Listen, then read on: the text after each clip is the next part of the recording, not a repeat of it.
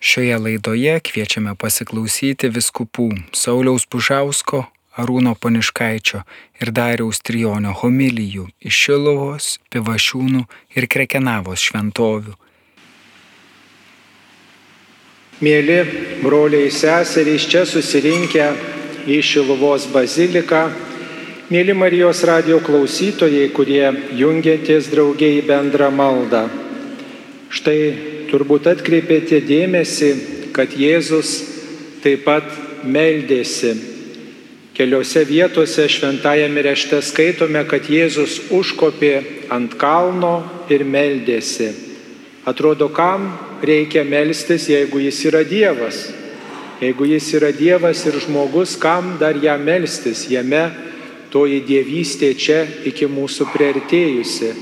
Tačiau Jėzus meldžiasi ir mus taip pat išmokė maldos tėvę mūsų, kreiptis į tėvą, vadinasi, Jėzus meldžiasi tėvui, nes malda tai yra bendrystės laikas. Malda yra ir klausimas, ir atsiliepimas Dievui. Ir jeigu Jėzus meldžiasi, tai ir mes esam kviečiami sekti paskui jį, kopti ant kalno Tas kalnas kiekvienam krikščioniui, kiekvienam katalikui yra kiekvieną sekmadienį bažnyčia. Parapijos bažnyčia ar savo pasirinkta bažnyčia, kur žmogus yra kviečiamas patirti bendrystę su Jėzum, su tėvu ir su daugybė įvairiausių žmonių, kurie ateina melstis drauge. Ir toj maldoj nepaprastai svarbu ne tik tai žodžiai, tekstas, bet taip svarbi ir tyla nes tyloj mes apmastom, ką išgirstam, tyloj iškyla mūsų troškimai, svajonės, poreikiai ir mes kartu, na, bendrystę išgyvenam ir tarpusavį, ir su tuo, kuris ateina mums padėti, ateina mums atsakyti. Dievas mėgsta tylą, ir toj tyloj prabilti, paliesti, bakstelėti į mūsų širdis, į mūsų gyvenimą.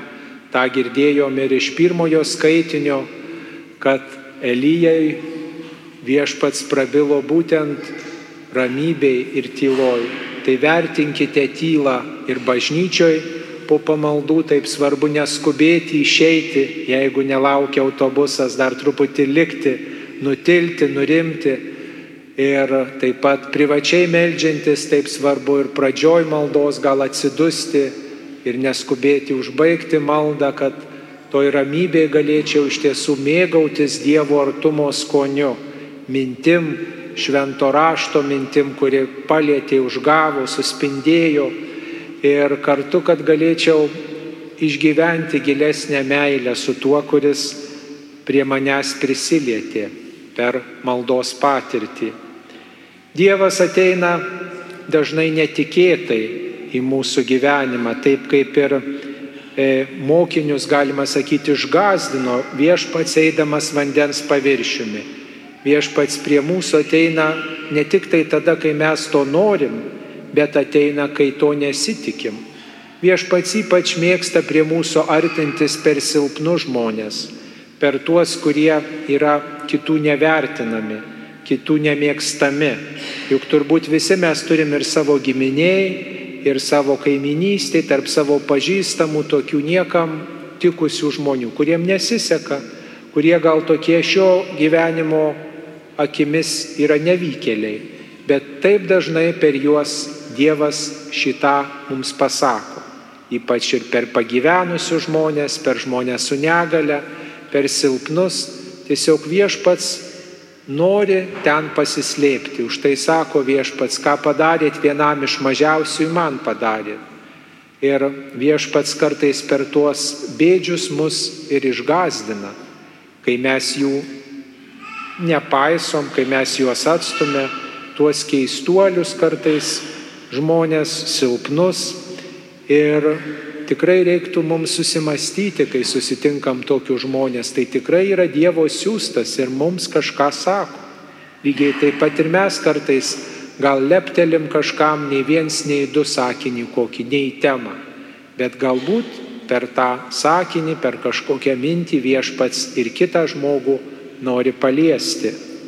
Aišku, labai dažnai viešpats veikia per įvairius sutapimus ir per mūsų nesėkmes. Štai, kad ir mokiniai plaukdami valtimi įsigando, gal čia kažkokia šmėkla ar kas čia artinasi, gal čia galima ir nuskesti.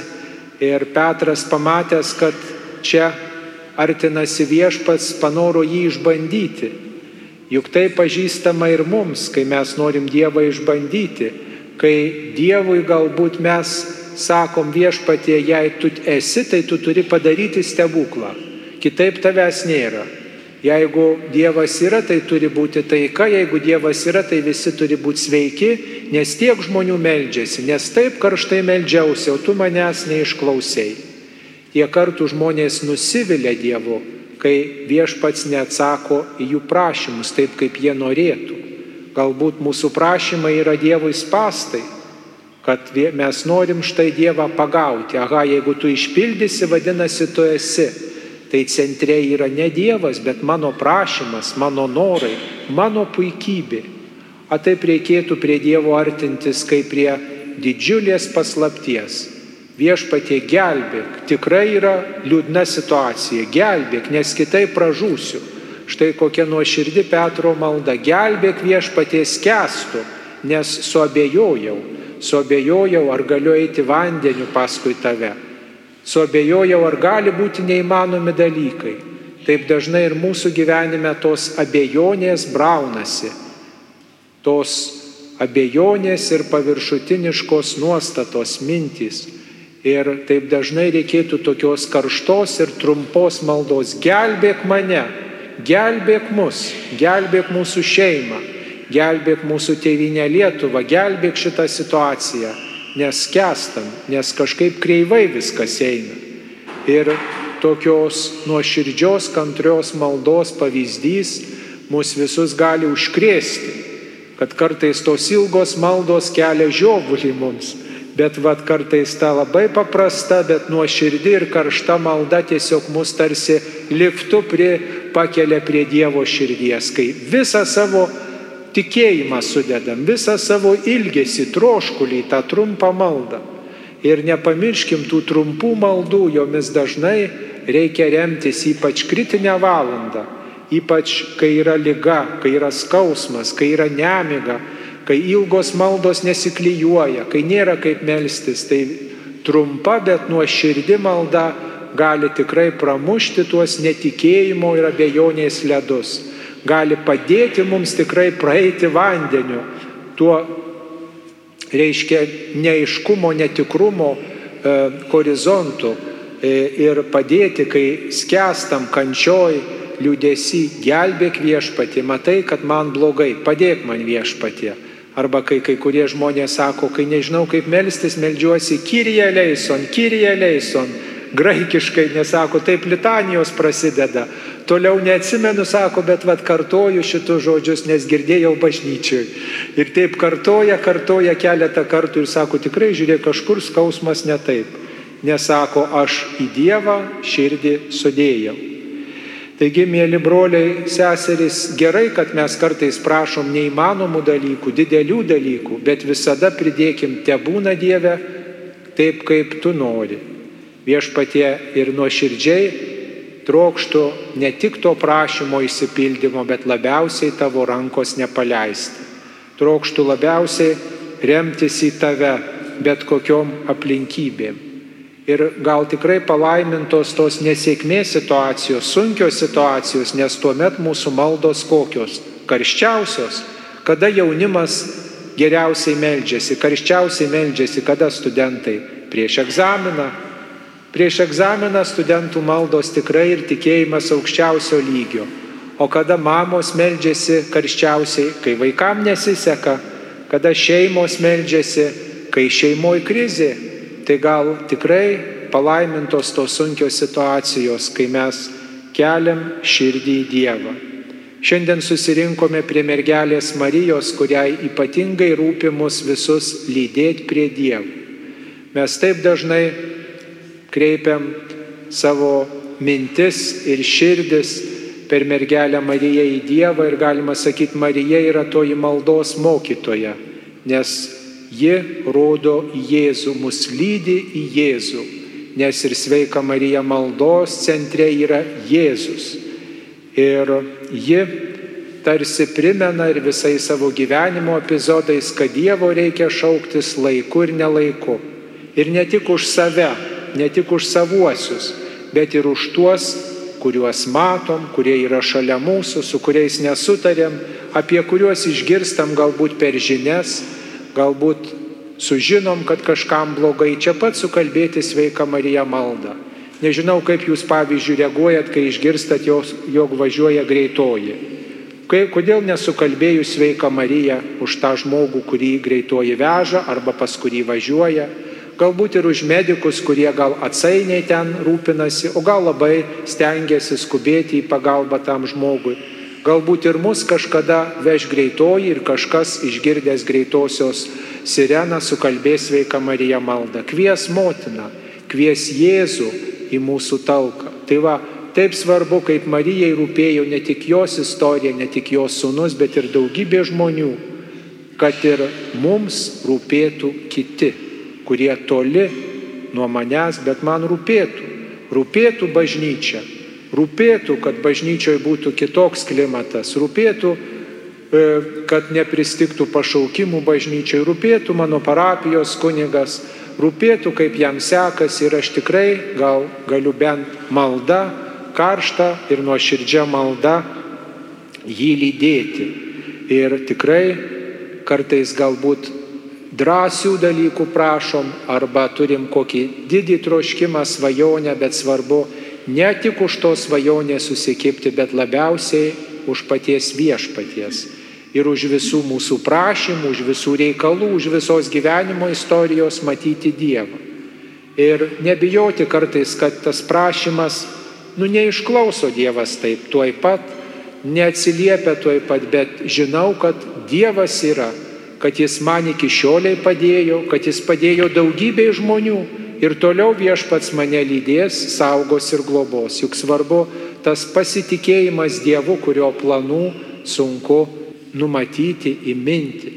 Svarbu mums artintis prie to kalno, bažnyčios, prie to kalno, kurioj ir mes susibūrėm visi apie viešpatį. Tas kalnas tai Kristus, tas kalnas tai Dievas. Žiūrėkit, ir tabernakulis yra mums kaip namelis, kaip tas kalnas, prie kurio ateinam pagarbinti viešpatį.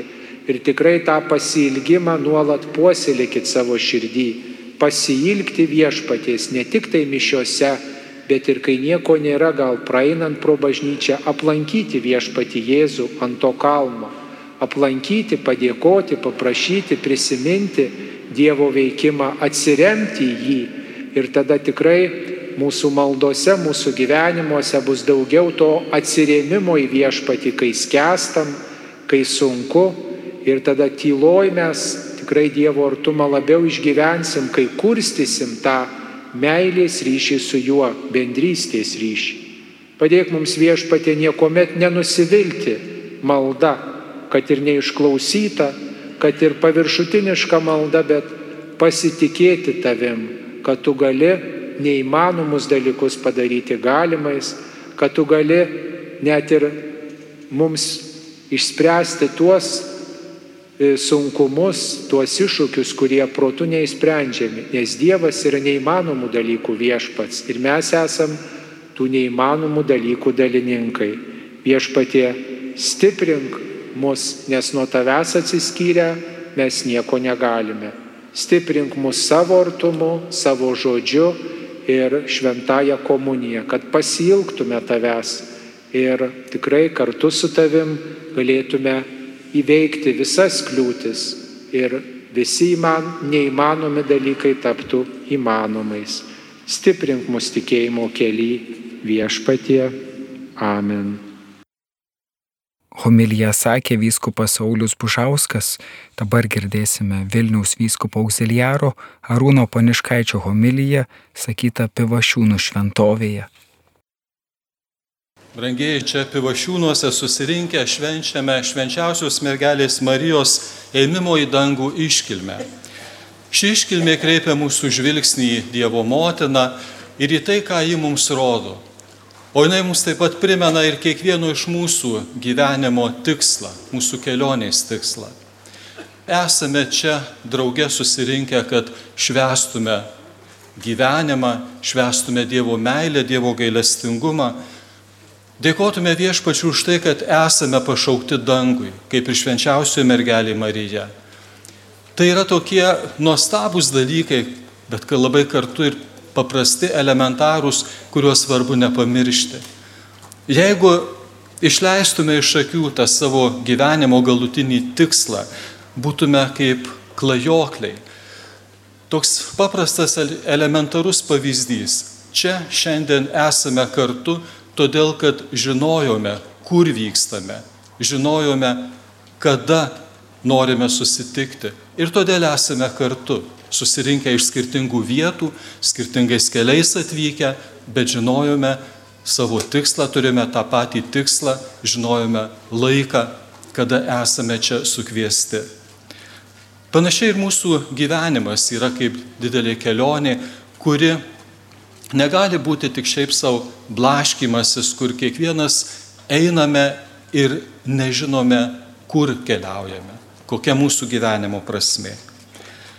Švenčiausioji mergelė Marija mums šiandien primena, kad mūsų gyvenimo tikslas yra dangus, amžinybė. Mūsų gyvenimo tikslas yra Dievas.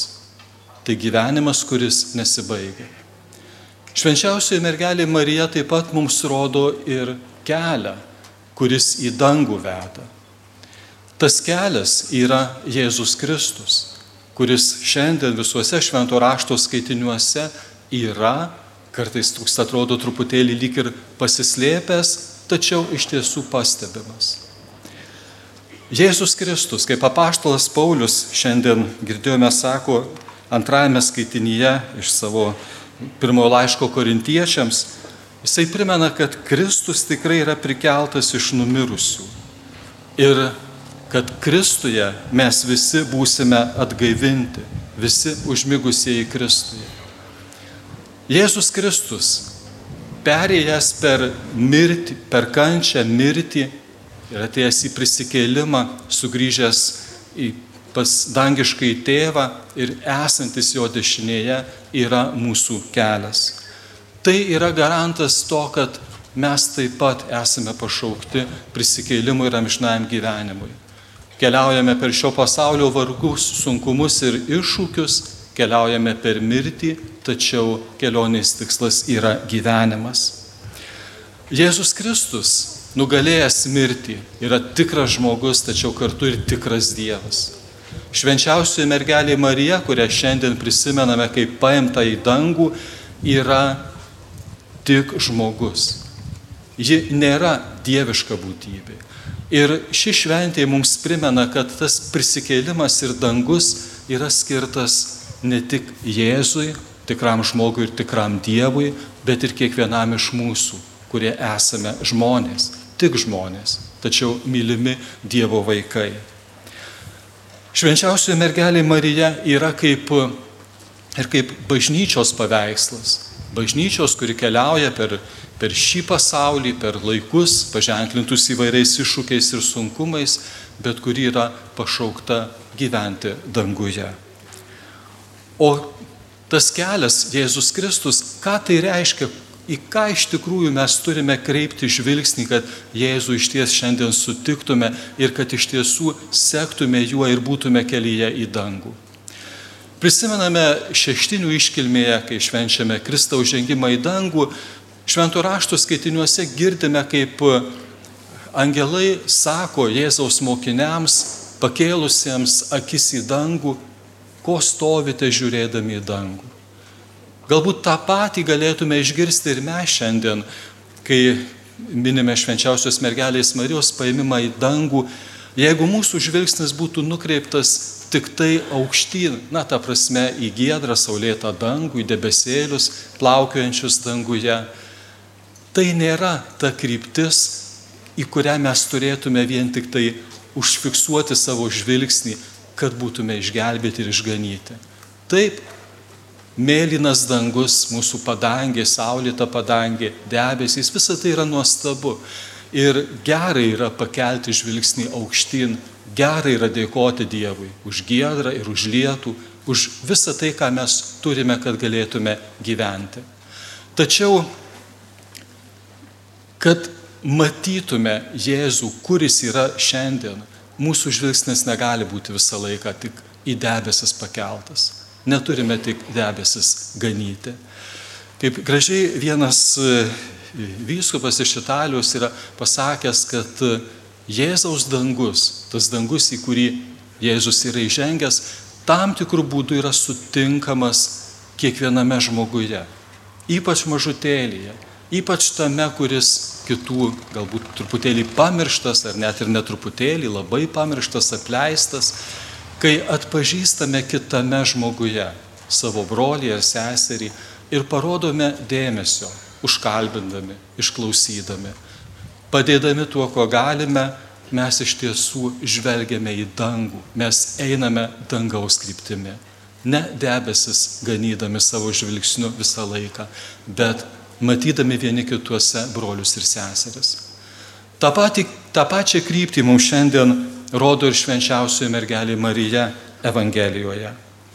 Evangelija mums sako, kad jinai anomis dienomis skubiai susiruošusi, skubiai iškeliavo į Judėjos kalnyno miestą. Iškeliavo pas savo giminaitę Elsbietą. Kodėl? Šventasis Ambraziejus sako, kad Marija keliauja, tas mūsų e, matavimu, tai būtų apie 50 km atstumas, netiek mažai kaip tais laikais, Marija keliauja skubiai ne dėl to, kad išgirdus angelo prieškimą būtų nelabai patikėjusi, ką, ką angelas pasakė, kad jos giminaitė Elsbieta, kuri buvo laikoma nevaisinga, štai senatvėje laukėsi kūdikiu ir jau yra šeštame mėnesyje. Marija skubiai keliauja ten su džiaugsmu, norėdama šiai savo giminaitai patarnauti, pasilikti su ją tuos likusius tris mėnesius iki kūdikio gimimo. Tai yra tikinčio žmogaus kelias. Įsiklausyti į Dievo žodį, į Dievo balsą, tačiau vėlgi nepasilikti tik tai su žvilgsniu pakeltų kažkur į debesis, bet leistis į kelionę šios žemės takais, kurie kartais ir netokie lengvi, ir su savo įkalnėm, ir dulkėti, ir netokie lygus, keliauti pas kitą žmogų, kad pasidalintum jo džiaugsmu ir kad pasidalintum jo rūpeščiu. Ir visoje šitoje scenoje Dievas yra nepaprastai arti. Jis yra švenčiausioje mergelėje Marijoje, kaip mažutis, dar negimęs kūdikis, bet jis yra tikras Dievas ir tikras žmogus. Jis yra sutinkamas su džiaugsmu Elsbietos, Jono Krikštytojo, kuris taip pat dar yra motinos iščiose. Girdime apie tai, kaip Evangelija mums pasakoja tą tokį labai jaukų vaizdą, tu šios dvi moterys, dvi motinos besilaukiančios kūdikių, apkabinančios viena kitą.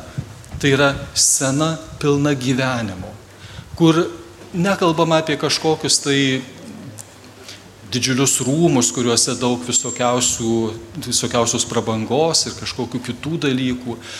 Nekalbama apie mines žmonių susirinkusių ir sekančių kažkokį tai didelį vadą ir karžygį. Labai tokia kasdieniška, paprasta scena, bet joje yra pilna gyvenimo ir joje tikrai yra Dievas arti. Ir šis Evangelijos epizodas mums primena taip pat, kad ir mes esame arti Dievo taip ir tada, kai susirenkame bendrai ir švenčiame Euharistiją, kas yra labai svarbu mūsų kaip tikinčių žmonių gyvenime. Bet Dievas taip pat yra arti ir mūsų kasdienybėje, kai esame su savo artimaisiais, su tais paprastais žmonėmis, kur išgyvename ir įvairias tokos, vargo situacijas, bet ten, kai mylime vieni kitus, ten Dievas yra arti. Ten yra savotiškas tarsi jau dangaus priengis, galimybė mums priartėti prie dangaus, į kurį esame pašaukti. Švenčiausioji mergelė Marija, šiandien girdėjome atsiliepdama į Elsbietos pasveikinimą, prabyla žodžiais, mano siela šlovina viešpatį, mano dvasia džiaugiasi Dievu. Žinom, kad kai Jėzaus mokiniai prašė viešpatį išmokyk mus melstis, Jėzus išmokė juos maldą Tėvę mūsų, kurią dažnai kartojame. Ir kaip Šventasis Augustinas ir daugybė kitų e, bažnyčios e, žmonių sako, kad tai yra tiesiog na, maldos etalonas, kur mes galime melstis ir kitokiais žodžiais, bet labai svarbu, kad mūsų malda sektų tą tėvę mūsų maldos logiką, nes kitaip ta mūsų malda būtų e, gal ir ne visai malda, arba bent jau nebūtų krikščioniška malda. Taigi tėvė mūsų yra tam tikras maldos etalonas, bet ir ši Marijos malda taip pat yra savotiškas maldos pavyzdys, kuris dera su Jėzaus išmokyta malda. Ši Marijos malda skamba bažnyčioje taip pat nuolat, kiekvieną dieną. Tai yra bažnyčios vakaro malda. Ja kalba visi kunigai, vienuoliai, bet taip pat ir pasauliečiai, kurie e, meldžiasi valandų liturgiją ar jos dalį. Tai yra kiekvieno vakaro malda. Mano siela šlovina viešpatį, mano dvasia džiaugiasi Dievu. Ir brangiai, vėlgi tai mums yra priminimas, kad keliaudami šio žemės keliais tarp daugybės išbandymų ir rūpeščių, mes vis dėlto esame pašaukti būti tais vilties žmonėmis, kurie išvelgia Dievą savo kasdienybėje, išvelgia Dievą ir jo artumą įvairiuose sukreitimuose, kaip šiandien pirmajame skaitinė girdėjome, tokia na, simbolinė kalba pasakojančiame apie ugnespalvį slibiną, kuris grėsmingas yra ir kuris kelia pavojų bažnyčiai ir žmonijai išvelgti visose tose situacijose Dievo artumą. Ne ta prasme, kad su kažkokia tai pan, panika klaustume savęs ar vieni kitų, kur yra Dievas, kodėl jis nesutvarko pasaulio, kad jame būtų visur taika ir visiems gera ir malonu gyventi. Bet viešpatie, ką tu nori, kad aš šiandien padaryčiau šitoje, šitoje konkrečioje situacijoje? kaip konkrečiai aš galiu mylėti, kaip konkrečiai aš galiu ištiesti pagalbos ranką, nešti viltį ir paguodą. Nuliūd, Marija nuliūdusių paguoda čia pivašiūnuose, kuri mums primena, jog ta paguoda, kurią gauname iš Dievo, mes esame kviečiami ją dalintis vieni su kitais. Toks yra mūsų kelias į, į dangų, kaip ir palaimintasis Teofilius, kurį taip pat šiandien prisimename, mums tą patį savo gyvenimo pavyzdžių ir savo vyskupiškojų šūkių primena. Per kryžių į žvaigždės, per kryžių į šviesą, per kryžių į dangų. Per įvairius sunkumus, tačiau nesusitelkti tik į tuos sunkumus, tik tai į kančią kaip tokią, tik į kryžių kaip tokį be Jėzaus. Nes kryžius be Jėzaus yra niekas. Kryžius su Jėzumi yra viskas, mūsų išganimo ženklas mūsų kančioje visada matyti viešpatį Jėzui arti esantį su mumis ir mus stiprinantį. Tad tegul mūsų malda kartu su švenčiausia mergelė Marija kiekvieną dieną būna paženklinta taip pat ir dėkingumu, viltimi, džiaugsmu. Nes Dievas yra arti, nes Jis mus myli, nes mūsų visų kelionės bendras tikslas yra dangus, kurio negalime nei žodžiais apsakyti, nei savo protų įsivaizduoti, nes tai, ką Dievas parengė jį mylintiems, pranoksta mūsų visus įsivaizdavimus. Amen. Homilija sakė Vilniaus vyskupas auxiliaras Arūnas Poniškaitis. Dabar klausysimės vyskupo Dariaus Trionio homilijos, sakytos Krekenavos šventovėje. Žmonių gyvenimas yra paženklintas susitikimais.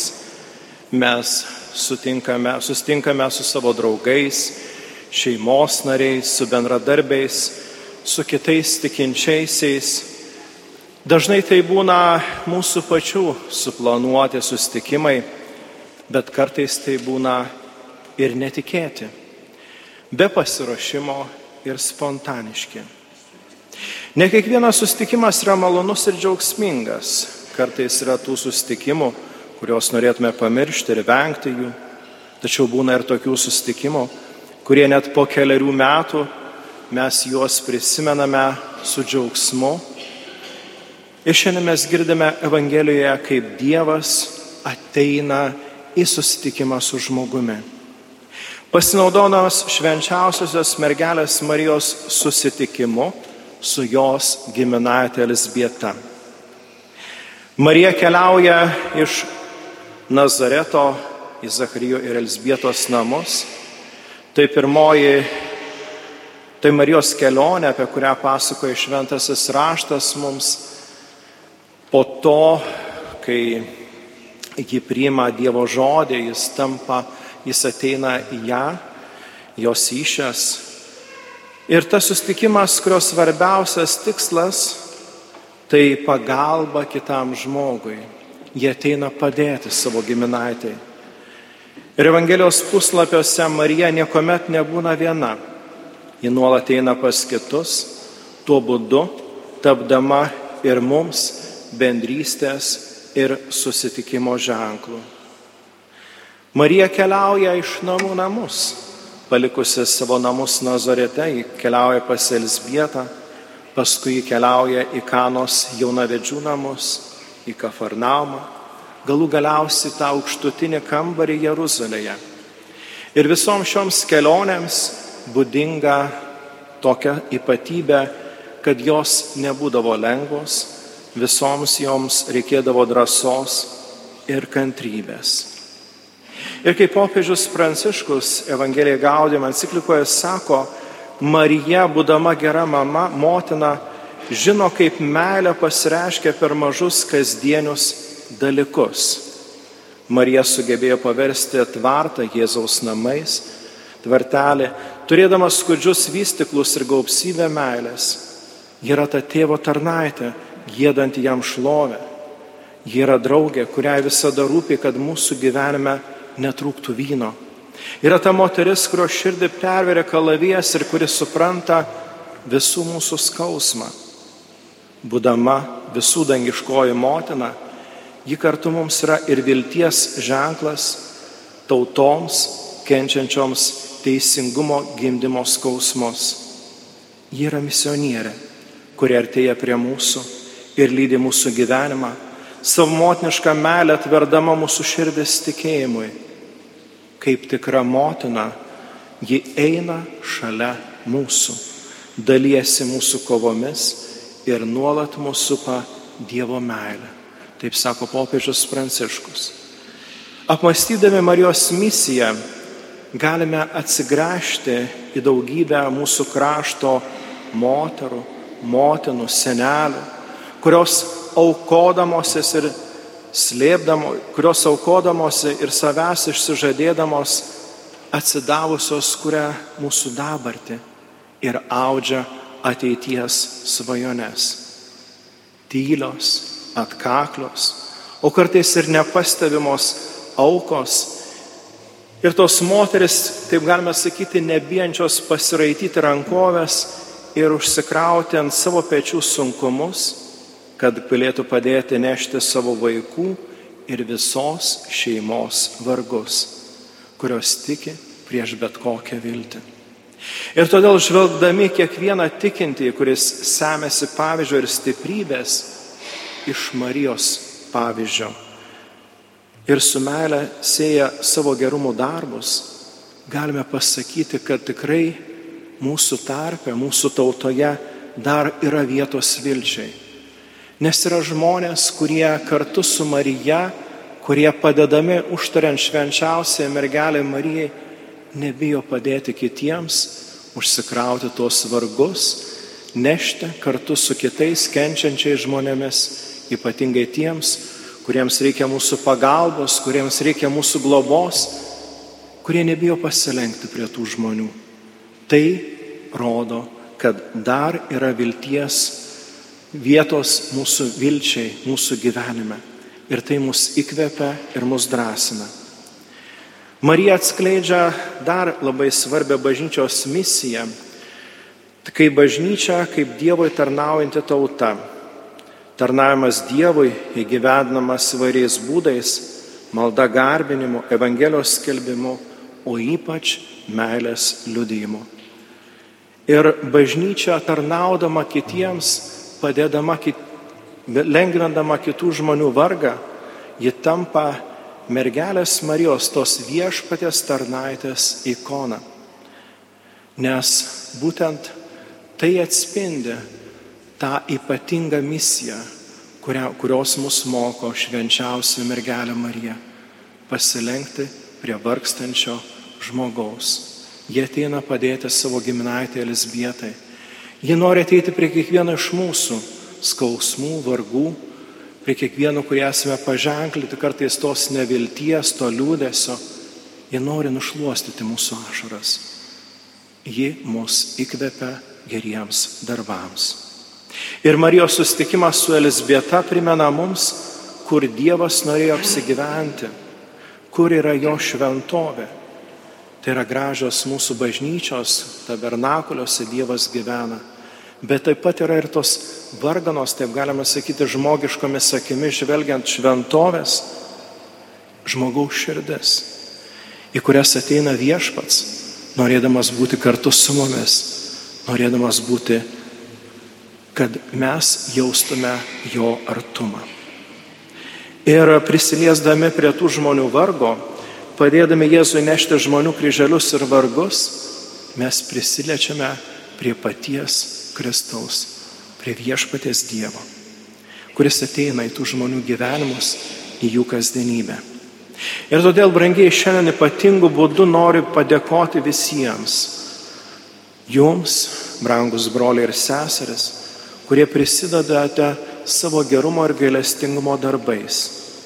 Esu dėkingas gydytojams, slaugytojams, karitas, Maltos ordinų ir kitų karitatyvinių organizacijų atstovams už jūsų tokią plačią širdį ir jūsų nesibaigianti gerumą. Tegul viešpats atlygina jums gausiamis malonėmis, tegul sustiprina jūsų globojimų žmonės, tegul mums visiems jis teikia vilties ir drąsos. Motinos Marijos mokykloje bažnyčios nariai kasdien mokosi tapti tą nuolankę viešpatės tarnaitę šią meilės tarnystę. Mes visi esame pašaukti įvykdyti įprastoje tikrovėje. Tai yra šeimose, parapijose, darbe, bendraudami su kaimynais, kitais žmonėmis. Tai yra kasdienė meilė, įprasta meilė, taip galime pavadinti. Stengtis kasdieninėme gyvenime pastebėti tuos mažus dalykus, kurie mūsų gyvenimui suteikia didžiulę prasme. Išmokti pastebėti žmonės, kuriems kartais reikia tik paprasto pakalbinimo, nuoširdžios šypsenos ar pasilabinimo. Padėti kiekvienam pajusti, kad jis yra vertinga visuomenės ir parapijos dalis, kad jis yra tas brangus žmogus, kurio viešpats gėrisi. Kai gimsta mažas vaikelis, jis išreiškia savo norą gyventi paprastais gestais. Jis verkia nurzgia, šypsosi, bando kažką kalbėti. Taip kiekvienas nori būti pripažintas ir įvertintas kaip svarbu šiame pasaulyje. Tai yra ženklas, kad tas vaikelis nori būti pastebėtas. Jeigu Dievas mus kviečia į šį pasaulį, Jis kviečia mus ypatingam uždaviniui - dalintis savo meilę ir gerumu, dalintis savo tikėjimu. Ir pabaigai noriu pasidalinti su jumis vieną istoriją. Kartą vaikas grįžta namo iš kiemo apsipylęs ašaromis. Senelis apkabina jį ir klausia, kas atsitiko. Ar kas nors nuskriaudė tave? Tačiau anukas neatsako, vien verkia. Senelis vėl bando jį nuraminti. Ar kas nors tave sumušė? Vaikelis papurtė galvą. Ar ką nors iš tavęs pavogė? Ne, tas atsako vaikas. Tai kas tau nutiko? Vaikas suraukia nosį ir tada papasakoja. Mes žaidėme slėpinių. Aš labai gerai pasislėpiau. Aš slėptuvėje ilgai laukiau, tačiau niekas manęs nesurado. Vienu metu išlendau iš savo slėptuvės ir tada supratau, kad jie pabaigė žaisti ir išsiskirstę, o manęs niekas net neieškojo. Ir vėl jis pradėjo pasikūkčiodamas verkti. Ar supranti, senelį, jie manęs net neieškojo. Iš tikrųjų, brangieji, tie paprasti žodžiai, vaiko lūpomis ištarti, talpina kiek, savyje kiekvieno žmogaus troškimą būti ieškom, surastu, priimtų ir mylimu. Būti ieškomu ir surastu savo vargose. Kiek yra daug ligonių, kurie, kurių galbūt mes ir nepastebime, nes jie tiesiog nenori kalbėti apie savo lygą kitiems, jie pasislėpia. Jie pasislėpia su savo liūdėsiu, su savo nerimu, su savo lyga. Ir juos reikia surasti, juos reikia pastebėti ir jiems padėti pajusti begalinio Dievo gerumą. Kiekvienam iš mūsų reikia to švelnaus ir gailestingo Dievo prisilietimo. Tad būkime tikri Kristaus mokiniai, susitikdami su kitu žmogumi, kurkime meilės ir gerumo karalystę jau čia žemėje. Amen. Mėly Marijos radio klausytojai, šioje laidoje klausėmės viskupų Sauliaus Pužausko, Tariaus Trijonio ir Arūno Paniškaičio homilijų, sakytų Šiluvoje, Pivašiūnuose ir Krekenavoje.